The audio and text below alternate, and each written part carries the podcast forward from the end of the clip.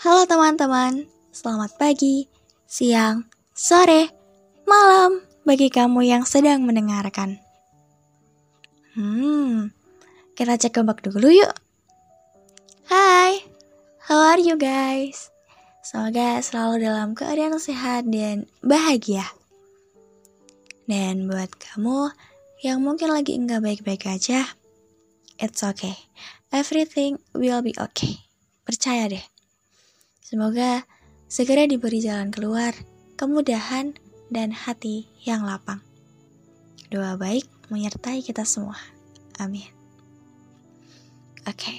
pastinya udah pada nggak sabar nih nungguin episode hari ini. Cekira tanpa berlama-lama, let's go. Selamat mendengarkan. Memasuki usia menuju dewasa, kurang lebih sudah ada bayangan bagaimana aslinya kehidupan ini bekerja. Hampa, sepi, ada lubang kekosongan yang amat besar dan nyata. Kata orang-orang, menjadi dewasa berarti harus siap menanggung seberapa kejamnya dunia. Karena dibanding senangnya, kadang lebih banyak menderitanya.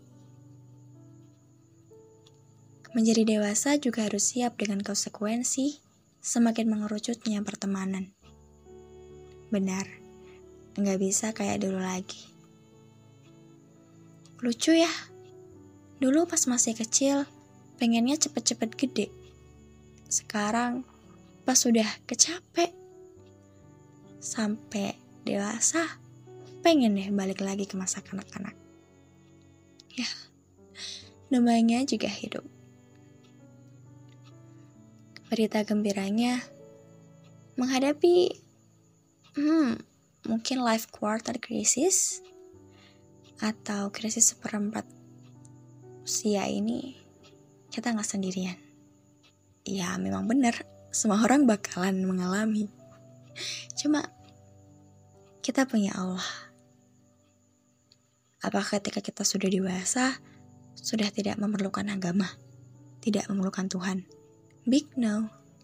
Malah seharusnya kita harus semakin lebih mendekat kepadanya. Karena dunia ini keras, kejam, dan rasa-rasanya tangga kehidupan memang begitu. Cobaan, halangan, rintangan. Kadang sampai ada yang menempuh jalan kebatilan. Jangan sampai ya. Karena kita punya iman. Sebahagia-bahagianya perasaan adalah syukur. Senyaman-nyamannya keadaan adalah sholat. Yakin deh, hati pasti tenang. Sebenarnya, kalau kita peka, semua love language udah Allah kasih lah.